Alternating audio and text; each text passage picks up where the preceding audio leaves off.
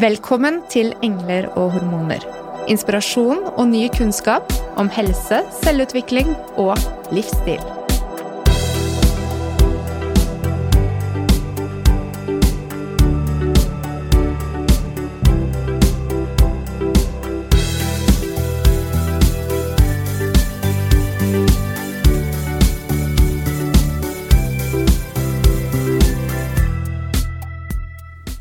Mange av oss har kanskje ambisjoner om flere kjøttfrie middager i løpet av uken, som ikke bare er pannekaker eller pasta, men som bugner av velsmakende og fargerike grønnsaker og belgfrukter.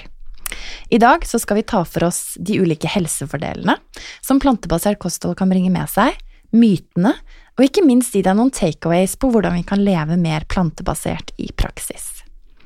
For de som tror at et plantebasert kosthold er en ny trend, tar jo egentlig ganske feil. For legekunstens far, Hippokrates, han hadde sine ben på jorden for to og et halvt år siden og var selv vegetarianer. Og la oss avslutte denne innledningen med hans berømte ord. La din mat være din medisin, og din medisin være din mat. Og med oss i studio så har vi Laila Madse.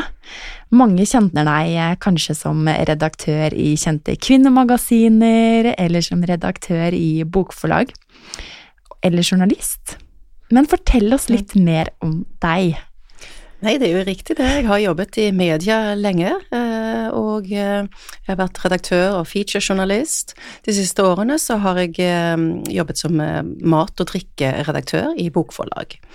Og imellom der så har jeg også da utdannet meg som helsecoach og yoga teacher.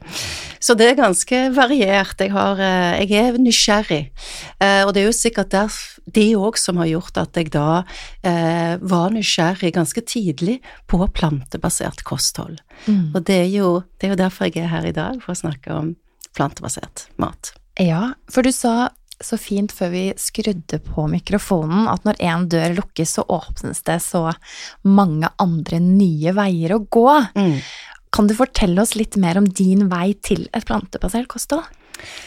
Ja, altså, det begynte jo ganske tidlig at jeg eh, sluttet å spise kjøtt, først og fremst rødt kjøtt, det var i studentdagene.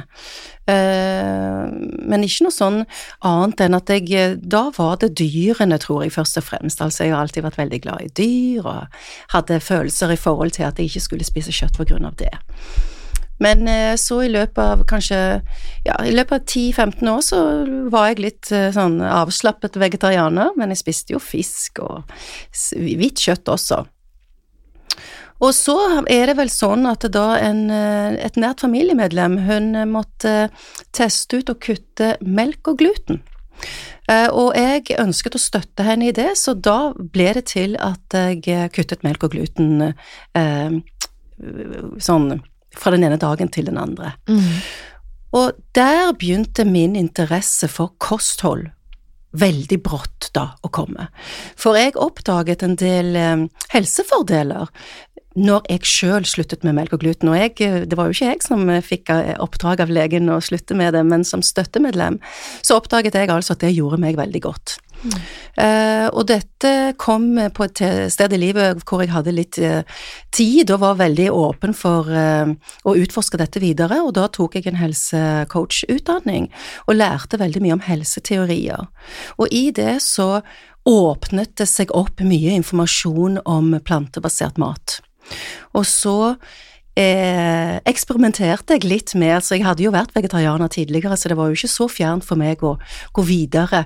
Og så kuttet jeg Jeg hadde jo kuttet ut melk, så da var det jo ikke så mye vanskeligere å kutte ut meierivarer totalt. Og vips, så var jeg veganer. Mm. Å spise plantebasert, som vi kom innom, er jo ikke et nytt fenomen, men allikevel så trender det. Mm, Kanskje mer enn noensinne. Hva tror du er årsakene til det? Jeg tror jo altså det har jo vært i USA, eller California har jo vært plantebasert lenge. Eh, og helt sikkert med sosiale medier så har denne trenden eh, skynda på seg veldig.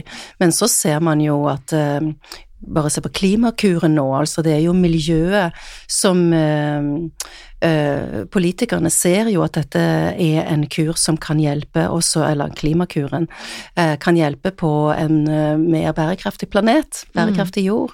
Så det er jo klart at dette kommer fra alle hold. Jeg tror det kommer både fra kulturen, populærkulturen rundt oss, og fra myndigheter. For jeg syns jeg leste at det er beregnet at et vegansk kosthold kun trenger en tredel av både landbruksarealet, vannforsyning og energien sammenlignet med et da typisk engelsk kosthold. Så det er ganske mye man kan tjene eller spare mm. på det. Mm, det er jo mye å gå på. Altså, jeg tror at det primært så er det, det er helse og det er miljø og det er dyrevelferd som er utgangspunktet for at folk er nysgjerrig på et plantebasert kosthold. Og jeg tenker jo litt for min del, så jeg syns at hva eh, nå enn årsaken til at du er interessert i dette, om det er da helse eller miljø eller dyrevelferd, så er det din grunn til å være nysgjerrig på plantebasert, og det er der jeg kommer inn. Jeg vil hjelpe deg til å få dette til. Så hva nå enn det er som er årsaken til at du har lyst til å teste det ut, så vet jeg at det er mange spørsmål som kommer når man skal få dette til i praksis, mm. og det er der jeg forsøker å bidra. Mm. Det er jo eh, Som helsepersonell så skal man forholde seg til nasjonale retningslinjer. Og det rene plantebaserte kostholdet er slik som vi forstår ikke inne i de nasjonale retningslinjene akkurat nå. Er det trygt å spise kun plantebasert? Ja, altså nå har jo faktisk Helsedirektoratet på sine sider, så er de jo tydelige på at et, både et vegetarisk og et vegansk balansert, fullverdig kosthold er trygt å spise. Og så er det jo det som er hele clouet, og det er derfor jeg har skrevet en bok om dette. For det er ikke bare bare å få til dette balanserte, fullverdige kostholdet. Eh, heller ikke for de som spiser standardkost, er det lett mm. å få til. Så eh, det, det, er jo det som er hele saken, at man må, man må vite litt om proteiner og karbohydrater og fett og fiber og sette det sammen slik at det blir et balansert kosthold. Og da er det absolutt ingenting i veien med å spise vegansk. Det er veldig spennende, men jeg tror vi trenger å høre det igjen og igjen, for vi får også høre at det ikke er fullverdig, at man trenger tilskudd, at altså vi rett og slett ikke ivaretar helsen vår optimalt mm. med å kun spise vegansk, fordi det er da noen essensielle næringsstoffer vi ikke får i oss. Hva vil du si til det? Det er jo, de klassiske er jo, som man ofte hører, så er det jo omega-3, eh, jod, D-vitamin og B12. Ja. Eh, og som jeg alltid sier, eh, selv om du spiser standardkost, så må du ikke lure deg til å tro at du ikke trenger nødvendigvis tilskudd. Mm -hmm. Så det er derfor jeg svarer litt sånn kategorisk på at eh, jeg tror at det er veldig mange som eh, burde sjekke tilskuddsbehovet eh, sitt på en hvilket som helst kosthold de har. Eh, og det er en litt sånn overdreven frykt at med, når du begynner å spise grønnsaker, så plutselig så skal du bli mangelfull på alle de fantastiske, viktige næringsemnene som vi trenger. Men eh, du kan jo si det sånn at når du da begynner å spise plantebasert, så får du den bonusen at du blir litt mer bevisst. Det er i alle fall det jeg eh, ønsker å bidra med, at vi blir mer bevisst hva vi putter i munnen. Og da vil du jo eh, for det første da forhåpentligvis lære deg hvordan du skal spise et fullverdig kosthold, men du vil også få informasjon om at ja, B12 er det nok sannsynlig at du skal ta tilskudd av. Eh, og D-vitamin mener jo jeg at alle mm. burde ta. Eh, Omega-3 kan jeg snakke om i timevis. Eh, jeg tror at man skal ta omega-3 også. Og alt dette uansett hvilket kosthold du tar. Mm. Omega-3 har vi jo hørt om eh, fra tranens eh, ja, historie, men eh, jeg tenker hvis du skal dra frem da bare noen korte punkt rundt hvorfor omega-3 er så viktig, hva ville du fortalt oss da? Ja, Omega-3 er jo eh, fettsyrer, eh, og det er jo bra for hjernen, først og fremst, eller også for kroppen, men hvis vi gjør det enkelt, det er bra for hjernen. Eh, og det smører jo hjernen når det gir deg de langkjedede fettsyrene som vi trenger. Og så er det jo sånn da at Eh, det fins både Eller det fins forskjellige typer omega-3, og det er stor forskjell på hvor potent fettsyrene er, eller hvor potent omega-3 omega-3-en som du kjøper deg, om du kjøper fiskeolje eller om du kjøper tabletter. Og det er stor forskjell på hvor potente de er, hvor mye de faktisk gir deg. Så kvaliteten her har mye å si. Eh, og så er det jo forskjell på, da når man snakker om kvalitet, hvordan de er tilvirket. Det finnes jo omega-3-oljer som har ligget så lenge, som har blitt varmet opp i tilvirkingen mm. på så høy temperatur og blitt lagret på ståltanker så lenge at dette er jo ikke lenger en frisk og god olje. Mm. Men, men det er det jo mange som kjøper. Uh, og, det, og, jeg vil ikke si hva den gjør med deg i kroppen når du spiser den, men jeg tror at det er lurt uh, å være kvalitetsbevisst når man kjøper seg en omega-3. Og så er det jo sånn at uh, noe omega-3, det, det, vi er mest vant til, at det kommer fra marine kilder, altså mm. fisk. Det finnes også plantebasert omega-3. Og så er det da sånn at det forskes på hvorvidt den plantebaserte omega-3-en er like lett opptakelig i kroppen mm. som den marine. Så jeg eh, tar faktisk eh, fiskeolje. Ja. Mm. Og det finnes også marine oljer som ikke kommer fra fisk, ja. Eh, som utvikles. Mm mm. Så det er jo veldig interessant. D-vitamin, det nevnte du veldig klart. Det er mm. noe som vi bør ta tilskudd av uansett. Og jod eh, er da kanskje et av de mineralene som vi bør sjekkes på. Mm. Og jern. Og jern. Og så var det denne B12. Ja. Kan vi komme litt inn på den? B12, eh, den der litt mystiske B12-en, eh, den er altså B12 er faktisk eh, noe som Det kommer fra Jeg skal ikke gå for langt ja, for teknisk på det, men det er jo dirt, holdt jeg på å si, det er jord. Det er probiotika som Når man B12 kommer inn i magen på dyrene, og via jord. Uh, og så blir det B12 som da uh, man får i seg når man spiser animalsk. Og dette skjer ikke like lett da, hvis du ikke spiser animalsk, så da tar vi tilskudd. Mm -hmm. og det er vanlig. Man kan ta det som sprøyter, eller man kan ta det faktisk flytende, og jeg tar det som tabletter. Ja. Og det måler du lett hos legen, og med en gang du da får påvist at du kanskje har litt lavt B12, og så begynner du å ta det som tilskudd, og så kommer du opp på et godt nivå igjen. Så det er ikke noe, det ikke noe, holdt på å si, noe skummelt med det. Det er jo som andre kosttilskudd. Mm. Mm. Hvis vi kommer inn litt på denne veganske eller plantebaserte eh, tallerkenmodellen, kan vi bare sette når vi skal bygge opp et plantebasert kosthold, eller en plantebasert middag for den saks skyld, da, hvordan skal den se ut? Jeg er opptatt av proteiner, eh, og det er jeg fordi at du skal bli mett Eh, jeg tenker at det er veldig viktig at du som eh, Når du er på et plantebasert kosthold, skal oppleve å være mett. Så proteinene er viktige, og da har du jo belgfrukt. Og, eh, og du har for eksempel quinoa, som jeg bruker mye istedenfor ris. Kino er stappfullt av proteiner. Erter er fullt av proteiner. Og kikerter og belgfrukt. Og så så pass på at du får i deg en dose av det. Eh, og så er det jo karbohydratene som, er, som grønnsaker er fulle av. Eh, og grønnsakene er jo stort sett fulle av langsomme karbohydrater.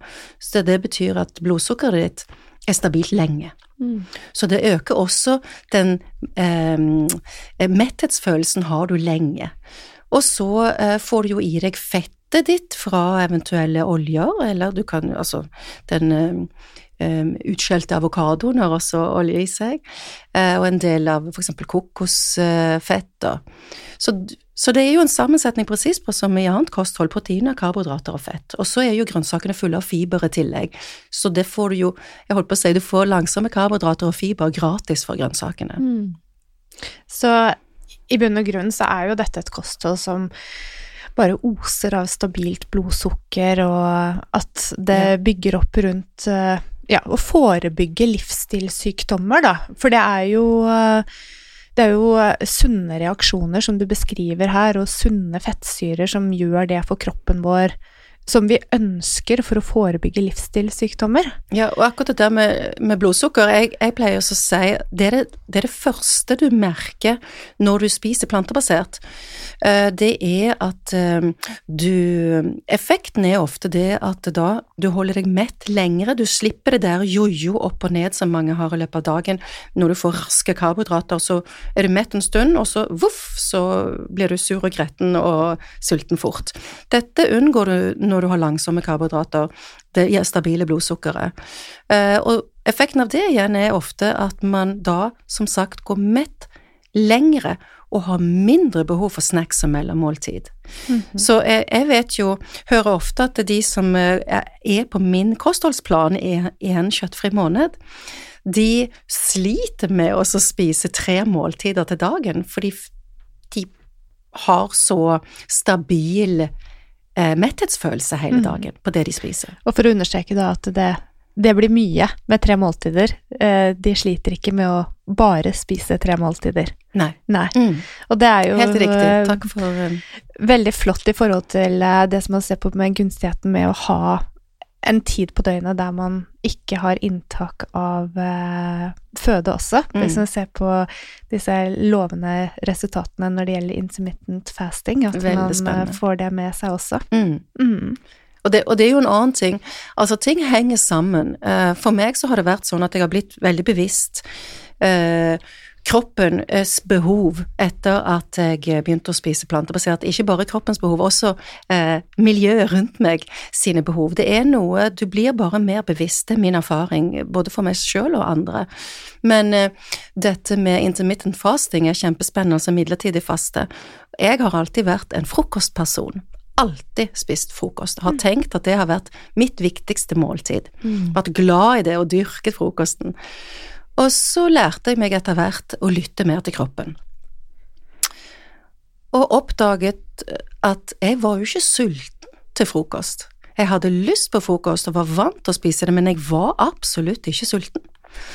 Og da droppet jeg frokosten som en test en stund, og merket absolutt ingenting annet enn at jeg fikk ytterligere energi og følte meg lett og god eh, til sinns og i kroppen til lunsjtider. Mm. Så, så det der tenker jeg er bare et bevis på at eh, den, um, den småspisingen som vi blir oppfordret til av en eller annen grunn med at vi omtrent alltid må huske på å ha med oss nøtter og en powerbar i vesken, for vi må nå for all del ikke eh, glemme å spise, eh, det tror jeg er veldig overdrevet. Det gjør at fordøyelsen din aldri får tid til å hvile. Ja. Så, så, så det jeg mener er at det, du har så mange muligheter som du kanskje ikke helt har utforska ennå, eh, og det er noe av det jeg også oppfordrer til å, å forsøke å lære bort da på, i løpet av denne kjøttfrie måneden. Så må vi understreke at vi er ikke ernæringsfysiologer, næringsfysiologer, vi som intervjuer her. Og det er klart, skal man gjøre store kostholdsendringer og har helseutfordringer, så bør du gjøre det i samråd med legen din. Ja. Mm. Allikevel så viser det jo en del helsefordeler. Viser lavere blodtrykk, lavere kolesterol, lavere risiko for hjerte-karsykdommer, diabetes type 2, ulike typer kreft, og ikke minst også kanskje en mer eh, stabil kroppsvekt. Mm. Og jeg tenker, av alle de tingene, for jeg har respekt for at man skal eh, stor respekt for legevitenskap og, eh, og faget, eh, og forstå seg på eh, hva som er riktig for den enkelte. Så jeg støtter at man skal oppsøke eh, faghjelp hvis man eh, har en diagnose eller eh, ting man trenger hjelp med. Men dette med slanking og stabil vekt det er nå engang sånn at uh, i den vestlige verden så er vi overvektige uh, i de fleste länder, også i Norge. Nordmenn er overvektige. Eh, og de, de som er det, har som regel et utbytte av å gå ned i vekt. Ikke minst så føler vi oss mer, mer vel når vi går ned i vekt. Og vil du ikke ned i vekt, så er det i alle fall også mange som har lyst til å holde vekten. Holde en stabil trivselvekt. Og det jeg har eh, sett gjentatte ganger, er at du, og også opplevd med meg sjøl, er at jeg holder vekten veldig stabilt på et plantebasert kosthold. Og det er jo delvis fordi at eh, du da spiser færre måltider, for som jeg sa, du går lenge og holder deg mett istedenfor behovet for småspising. Så du holder deg mett lengre, du trenger færre snacks, eh, og det er mye av den eh, meierimaten som inneholder ganske mye fett. Mm. Og når du slutter å spise det, så får du naturlig mindre kalorier i kosten. Og da understreker jeg at eh, jeg er ikke for å telle kalorier i det hele tatt. Gjør overhodet ikke det, og anbefaler ingen å gjøre det på en kjøttfri måned. Men eh, de fleste opplever faktisk at de går ned i vekt. Mm. Vil du da si at det, du holder deg lenger mett på din plantebaserte kosthold enn hvis du inkluderer f.eks. kjøtt i måltidet? At det rent plantebaserte gir deg en større metthetsfølelse lenger? Jeg tror det poenget er ikke at om du inkluderer kjøtt, eh, det er en annen skål, men eh, poenget er at når du spiser et fullverdig plantebasert kosthold, Eh, så holder du deg mett lenge. Yeah. Så, så, jeg tenker at det er ikke min sak å si hva som skjer med deg når du spiser kjøtt, men i og med at jeg jobber med plantebasert kosthold, så er det sånn at det er eh, en effekt av å spise plantebasert, er at du holder et stabilt blodsukker. Mm. Jeg har lyst til å spørre deg om eh, det å og Egentlig to spørsmål her, og det ene er eh, de vanlige utfordringene som folk møter Eh, når de eh, eh, skal over til et plantebasert kosthold, men også litt om og kanskje det er noe av det samme med kvaliteten på produktene som vi får kjøpt her i Norge, fordi det er jo så mm, varierende kvalitet på plantene som vi får tak i? Ja, eller de ferdigproduktene som man får tak i. Fordi at øh, Og her er vi jo ved min store kjerne. Fordi at jeg er opptatt av grønnsaker, og tenker at det er så utrolig mange fantastiske råvarer på grønnsaker, og da snakker jeg ikke om ferdigproduktene, for det finnes jo en lass av ferdigprodukter både for vegetarianere og veganere, mm. som det gjør for eh, alle med standardkost. Men det jeg forsøker å lære bort, det er å spise grønnsakene, spise råvarene. Og de har god kvalitet. Eh, det er jo råvarer som kommer fra jorden, og noen velger økologisk, og noen velger eh, standardgrønnsaker. Men eh, det, det, tenker jeg er det absolutt viktigste, det er også tørre å ta i bruk grønnsaksdisken. Plukke opp en sellerirot, som jo ser så underlige ut, disse her runde, merkelige knollene med lange kvister som henger ut av, og mollet og jorde er det på de. Og bare tørre å ta i bruk de, eh, det er der har man masse fantastisk mat. Eh, og søt potet er det jo fortsatt mange som ikke egentlig har prøvd seg noe særlig på. Så hvis du holder deg til grønnsaker, så er du ganske trygg. Men så ja, så finnes det mange ferdigprodukter. Uh, og jeg tenker jo at når man går over til et uh, Hvis man tester da, sånn som min plan er en kjøttfri måned for å utforske dette kostholdet, så syns jeg at det er helt innafor i starten å teste ut ferdigprodukter. For det er en utrolig enkel løsning. Altså, det finnes så mange ferdig hva det heter for noe, veggdeig, som er eh, en slags alternativ til kjøttdeig, og du mm. har eh, Veggisburger. Ja, veggis, ja, som jo egentlig har til felles disse her da at det er jo ikke så mye grønnsaker i det. De er jo mm. tilvirket, det er jo eh, eh, soyaprotein, og det er maismel, og det er ja, hva er det ikke i de? Det, det er ferdigmat, og det er salt, eh, og det er sukker. Eh, men jeg tenker at det, det er jo uh, med måte. Akkurat sånne produkter tror jeg du bare skal lære deg å spise med måte. Får du, får du, i deg for mye av det, så får du i deg mye salt og fett som du ikke trenger. Men dette gjelder jo også ferdigprodukter på et standardkosthold. Så det er jo derfor jeg vil snakke spesifikt om grønnsaker, for jeg tror vi har så mye å hente med å tørre å bruke det mer i matlaging. Mm. Rene råvarer. Og å utforske det. Mm. Ja, så de vanlige utfordringene da, som folk møter når man skal over til et plantebasert kosthold, har du noen sånn ja, mm. topp tre typiske ting du hører Ja, altså eh, tidsklemma gjelder jo for alle, om du er på plantebasert kosthold eller vanlig eh, standardkosthold. Eh, og den tror jeg er skummel for mange, fordi at de tror at det tar veldig mye lengre tid å lage et plantebasert eh, måltid. Eh, og måten du kommer deg unna på, hører jeg mange si at det er å preppe på forhånd. Mm. Så er mange som for eksempel bruker en eller annen dag i uken hvor de prepper ferdig litt som står i fryseren eller kjøleskapet, kutter ferdig grønnsaker eller lager en halvferdig bolognesaus, holdt jeg på å si, som da ikke heter bolognese når den er plantebasert, men da kaller vi det for veganes. Eh, Så jeg tror at en del prepping kan hjelpe. Jeg sjøl prepper egentlig aldri. Jeg syns ikke det tar lengre tid å lage et plantebasert måltid.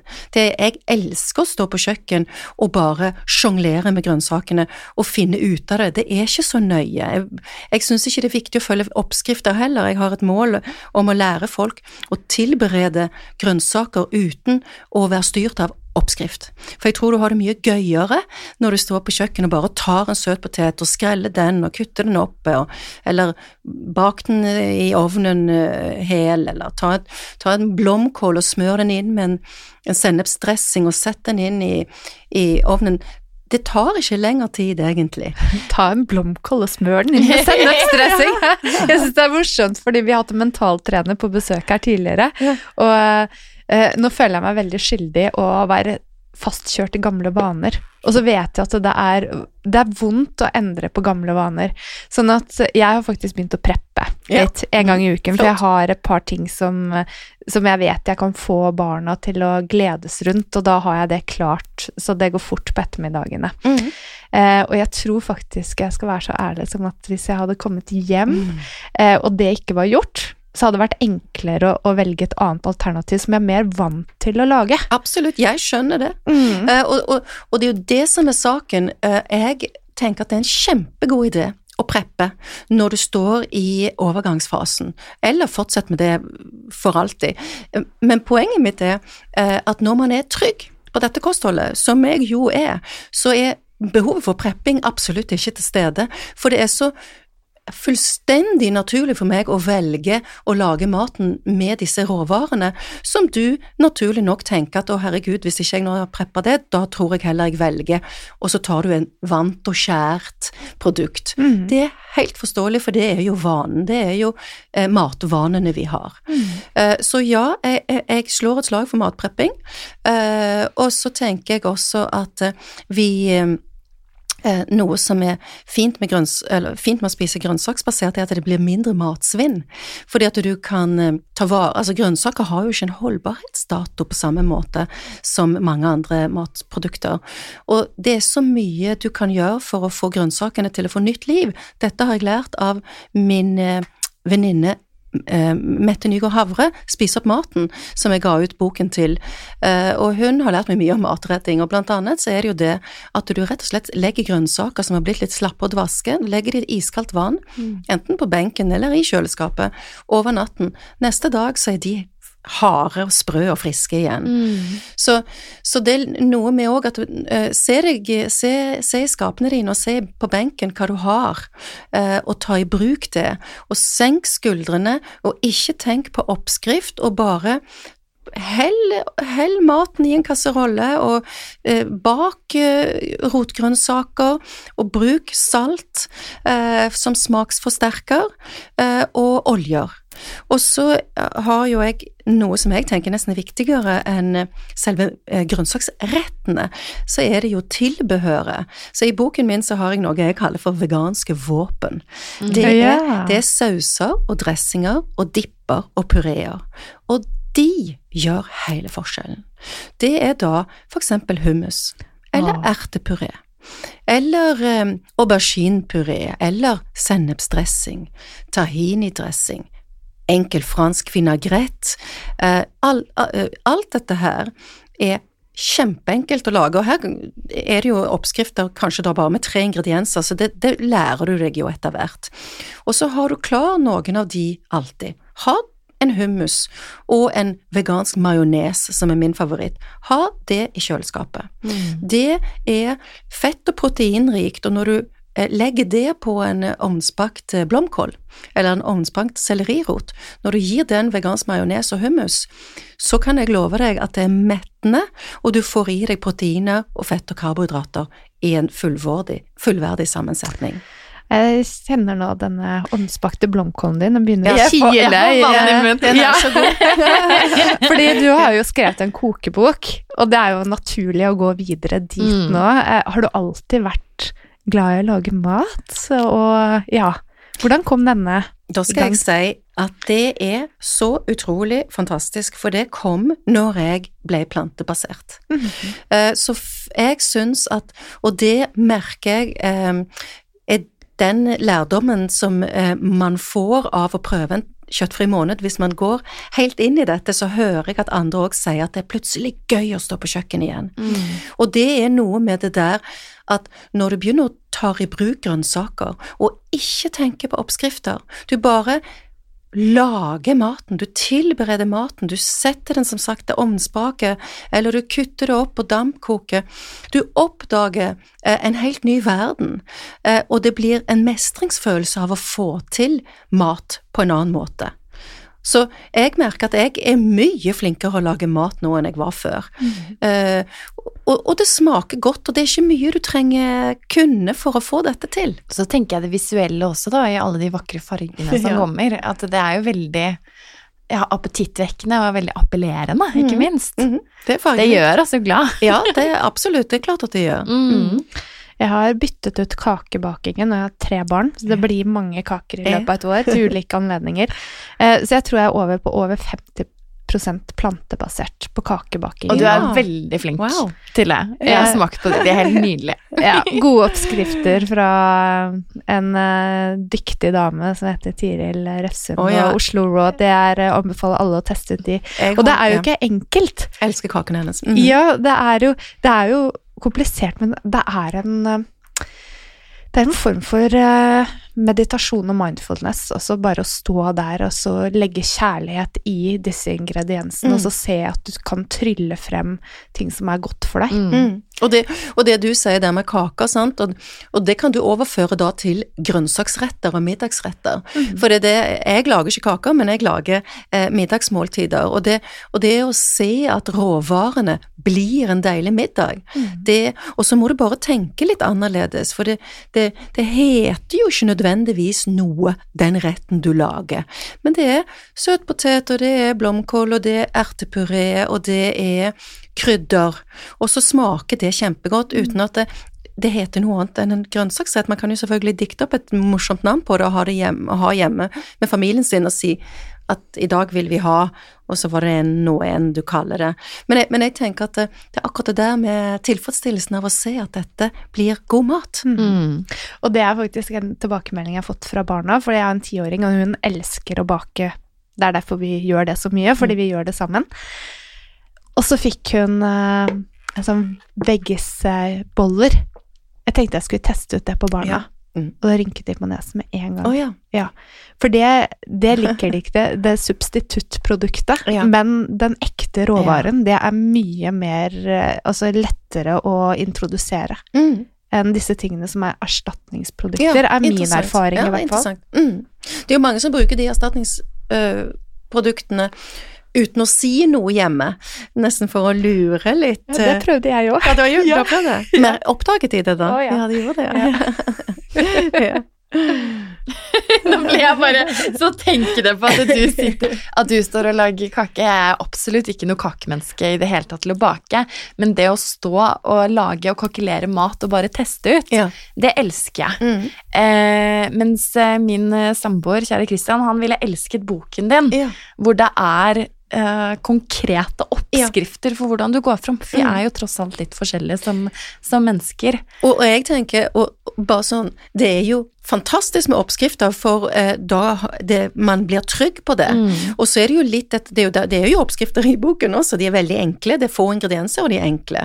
Eh, og så etter hvert, når man blir tryggere, så er det jo det der med at man bare, man tager hva man haver, og, Ja. sant? man har liksom lært seg eh, knepene. Men et knep når du skal bygge opp et eh, måltid, da, som det jo egentlig er samme, samme hva du egentlig lager. Dette her med å ha ulike teksturer og gjøre det litt spennende sånn i smaksbildet. Mm. For du nevner jo det med pureer og ulike dressinger, vinagretter, Mm. Og så Og så kan du jo toppe det med, altså hvis du vil ha noe knase på, sant, så kan du toppe det, du mm, for eksempel riste gresskarfrø i pannen. Eh, hvis du rister gresskarfrø og topper maten din med det, toppe en eh, grønnsaksrett med det, så får du knase på noe, eller du hakker opp eh, peanøtter, eller du hakker opp eh, cashew eller hasselnøtter, rister det lite grann og strø det over maten. Da får du jo både fett og noe som er crispy. Mm. Så jeg tenker absolutt at tekstur er viktig, eh, like viktig i et plantebasert kosthold. Og så, så syns jo jeg bare da at jeg er jo nødt til å si det er nå vel absolutt ikke all standardmat som har så veldig ul forskjellig tekstur Nei, det er heller. ikke det. Ikke sant? Tenk på, kjøtt, tenk på favoritten kjøttkaker med potet, potetstappe, eh, og, og eh, kanskje de har ertepuré til. Det er jo bare myke konsistenser. Så, så det er litt sånn, jeg tror det er mange mm, ting man litt sånn der man har man tenker seg at det er så annerledes med et plantebasert kosthold at det da ikke liksom har tekstur. Men, men dette er jo det, det er jo ganske likt et standardkosthold. Mm. Vi må tørre å endre vanene. Ja, Ja. det er det det Mm. handler om. Ja, for det er jo um, enorme muligheter, og når jeg ser på boken din, så ser det også fantastisk ut, Ja. eh, og veldig innbydende. Eh, hva er formålet ditt med denne boken egentlig, Laila? Det er å få flere til å oppdage hvor fantastisk det er med grønnsaker, og til å tørre å utforske grønnsaker og til å tilberede grønnsaker. For på den måten så klarer vi å redusere kjøttforbruket når vi oppdager hvor deilig det er med grønnsaker. Og har du som lytter lyst på denne boken, så skal vi eh, ha en liten konkurranse i sosiale medier, selv om vi veldig gjerne skulle hatt den selv. vi får gå og kjøpe den, Mona. Ja. Så følg med på sosiale medier. Eh, jeg eh, er eh, veldig egentlig nysgjerrig på hvordan jeg kan variere ting. Jeg Mm. føler at det er der jeg hele tiden Jeg faller tilbake til dette. Ja, men hva med alle disse vanlige Altså kjøtt, fisk, det som jeg er vant til å bruke. Mm. Og så høres det mm, Unnskyld, men belgfrukter og bønner, det høres litt sånn kjedelig ut. Ja, men kan du utdype det litt? Jeg, og jeg skjønner at det kan høres kjedelig ut. Jeg spiser ikke så mye bønner sjøl, faktisk, men jeg spiser masse linser, jeg er glad i det. Uh, og jeg spiser masse kikerter fordi at det er det i hummus. Og hummus er jo en eh, veganers beste venn. Uh, så, så jeg tenker at det, det handler om å lage noe av disse bønnene. Uh, lag en, en burger, eller lag hummus av kikertene, eller lag ertepuré med chili av de ertene. Så du, du, du tilbereder jo dette her. Så det ligger jo ikke bare noen kjipe bønner på tallerkenen din, du, du har tilberedt det i maten. Jeg elsker å bruke det i gryter. Ja. I Med søtpotet Mm. og masse deilig spisskummin og tomatpuré og ja. Indisk dal er jo helt fantastisk. Det er jo egentlig en linsegryte, men du kan jo bruke bønner i den òg. eller blande. Det er jo Mm. kjempegodt med kokosmelk og linser eller bønner og litt eh, tomater, altså hakkede tomater, og så blander du det sammen og, med deil, og litt spinat oppi, og så krydder. Nydelig. Og, da- og da blir jo bønnene dine veldig eksotiske plutselig. Ja. Ja, jeg ser det. Eh, Jeg gleder meg til å dykke litt ned i eh, mer av denne inspirasjonen, fordi jeg tror også at det handler om å lære. Ja, Ja, det gjør og da er det kjempefint med et verktøy som denne boken. Mhm. Har du noen andre ting som er viktig for oss å vite og tenke på hvis man vurderer å gå over til et mer plantebasert eh, kosthold? Det som jeg oppfordrer til, det er å være bevisst hvordan du har det når du gjør en kostholdsendring. Så benytt det eh, eh, Igjen, jeg har brukt en måned som mal fordi jeg tror Jeg tror det er veldig fint for folk å ha en konsentrert tid for oppmerksomheten sin, for ellers så svever det ut. Så hvis du i løpet av en måned tenker at du skal teste et plantebasert kosthold. Vær obs på hvordan du har det. Noter med stikkord. Jeg har laget plass til eh, å skrive noen stikkord om hva du har spist i dag, og hvordan du har det. Dag for dag. Mm. Fordi at da, precis det der som Hippokrates sa med din mat er din medisin, legg merke til endringene, for de kommer. Eh, og det tror jeg er den mest givende bonusen du får av å teste det ut, det er at når du er bevisst endringen, så vil du merke hvor mye, hvor, at du rett og slett får det for velvære. Ja, det er jeg så enig med deg. Vi må tørre å lytte til kroppen Mm, vår, og så mm. kjenne etter hva som er bra for oss. Mm. Mindful eating. Ja, og og, og jeg tror at uh, det er jo noe med den travle tiden vi lever i, at vi ikke helt ser sammenhengen med hva vi spiser eh, og hvordan vi har det. Så tenk deg alle de som legger seg nedpå etter middagen for de er litt trøtte etter middag. Det er jo helt underlig. Vi skal jo ikke bli trøtte av å spise, vi skal få energi av å spise. Men det har man av en eller annen grunn akseptert at jeg blir trøtt etter middag, jeg må legge meg nedpå litt. Det betyr at du har spist noe som kroppen din sliter voldsomt med å fordøye, høyst sannsynlig. Eh, eller ta den der med at folk har vondt i magen, men de tenker ikke på at det kanskje er maten. Sant? At de har spist noe da som de helst kanskje skulle unngått, at, de, at det er for tungt fordøyelig for dem. Så det er noe med å bare eh, ha respekt for at det du spiser, gjør noe med deg. Og tarmhelse, det ser vi jo bare blir mer og mer viktig, og eh, grønnsaker er jo da prebiotika, altså mat for de sunne Mm. tarmbakteriene, så man sørger for en eh, ja, mett, sunn tarmflora, Ja. kan man si det? Mm. Ja. Er du interessert i å høre mer om tarmhelse også, så har vi spilt inn en egen episode med Helene Ragnhild om akkurat det temaet. Ja. Vi heter jo Engler og hormoner, Laila, og vi lurer sånn på, vi, om du kan dele med oss om du har hatt eksempel en veldig hormonell respons den siste uken. Ja, jeg må vel innrømme at um, her om dagen så hadde jeg en liten hormonell respons i trafikken. Eh, Mm. Da var jeg altså ute og kjørte bil, og mine to søte små døtre i baksetet, og jeg var veldig nær hjemme og skulle parkere på min parkeringsplass. Og gaten er trang, så man kan ikke kjøre to samtidig der, den ene må vike. Eh, og som regel er jo dette aldri et problem, men da kom det mot meg en bil, og han satte opp farten eh, slik når han kom mot meg, så det var ingen tvil om at han mente det var jeg som skulle stoppe og vike. Og jeg hadde ikke noe sted å gå og tenkte at det var han som skulle stoppe og vike. Men uh, idet jeg da må gi meg og tenke at jeg skal rygge og gi plass til han, så rister han på hodet av meg. Så han sitter i bilen og tar seg den friheten og rister på hodet som om han mente at jeg var helt dust som ikke tok det valget umiddelbart uh, å fjerne meg fra hans uh, plass. Så da tok jeg faktisk og stoppet bilen, gikk ut og han rulla ned vinduet i sin Jaguar, og hans pelsbekledte kone som satt ved siden av, fikk en aldri så liten overhøvling før jeg snudde meg og gikk tilbake i bilen og rygget så han fikk plass. Og når han kjørte forbi meg da, så vinket han sånn arrogant og frekk til meg. Så det var, Jeg kan virkelig forstå at du fikk denne, denne hormonelle responsen der, altså. Jeg bare kjenner det er så mange questions Ja. som kommer i forhold til den. Men eh, skal vi bare si da at eh, det var en læring i det også? ja, altså, det er jo ikke Hva skal jeg si, man må bare ta seg litt bedre tid. Du får ikke noe igjen for å skjelle ut noen i trafikken. Du gjør jo ikke det. Det, det er voksenopplæring kanskje, men jeg tror det er litt for seint.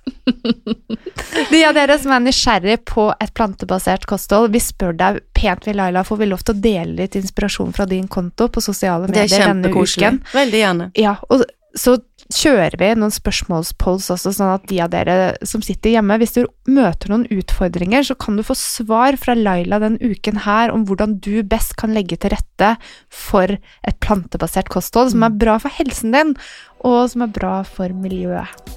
Flott. Tusen takk for at du kom. Takk skal dere ha. Ha det.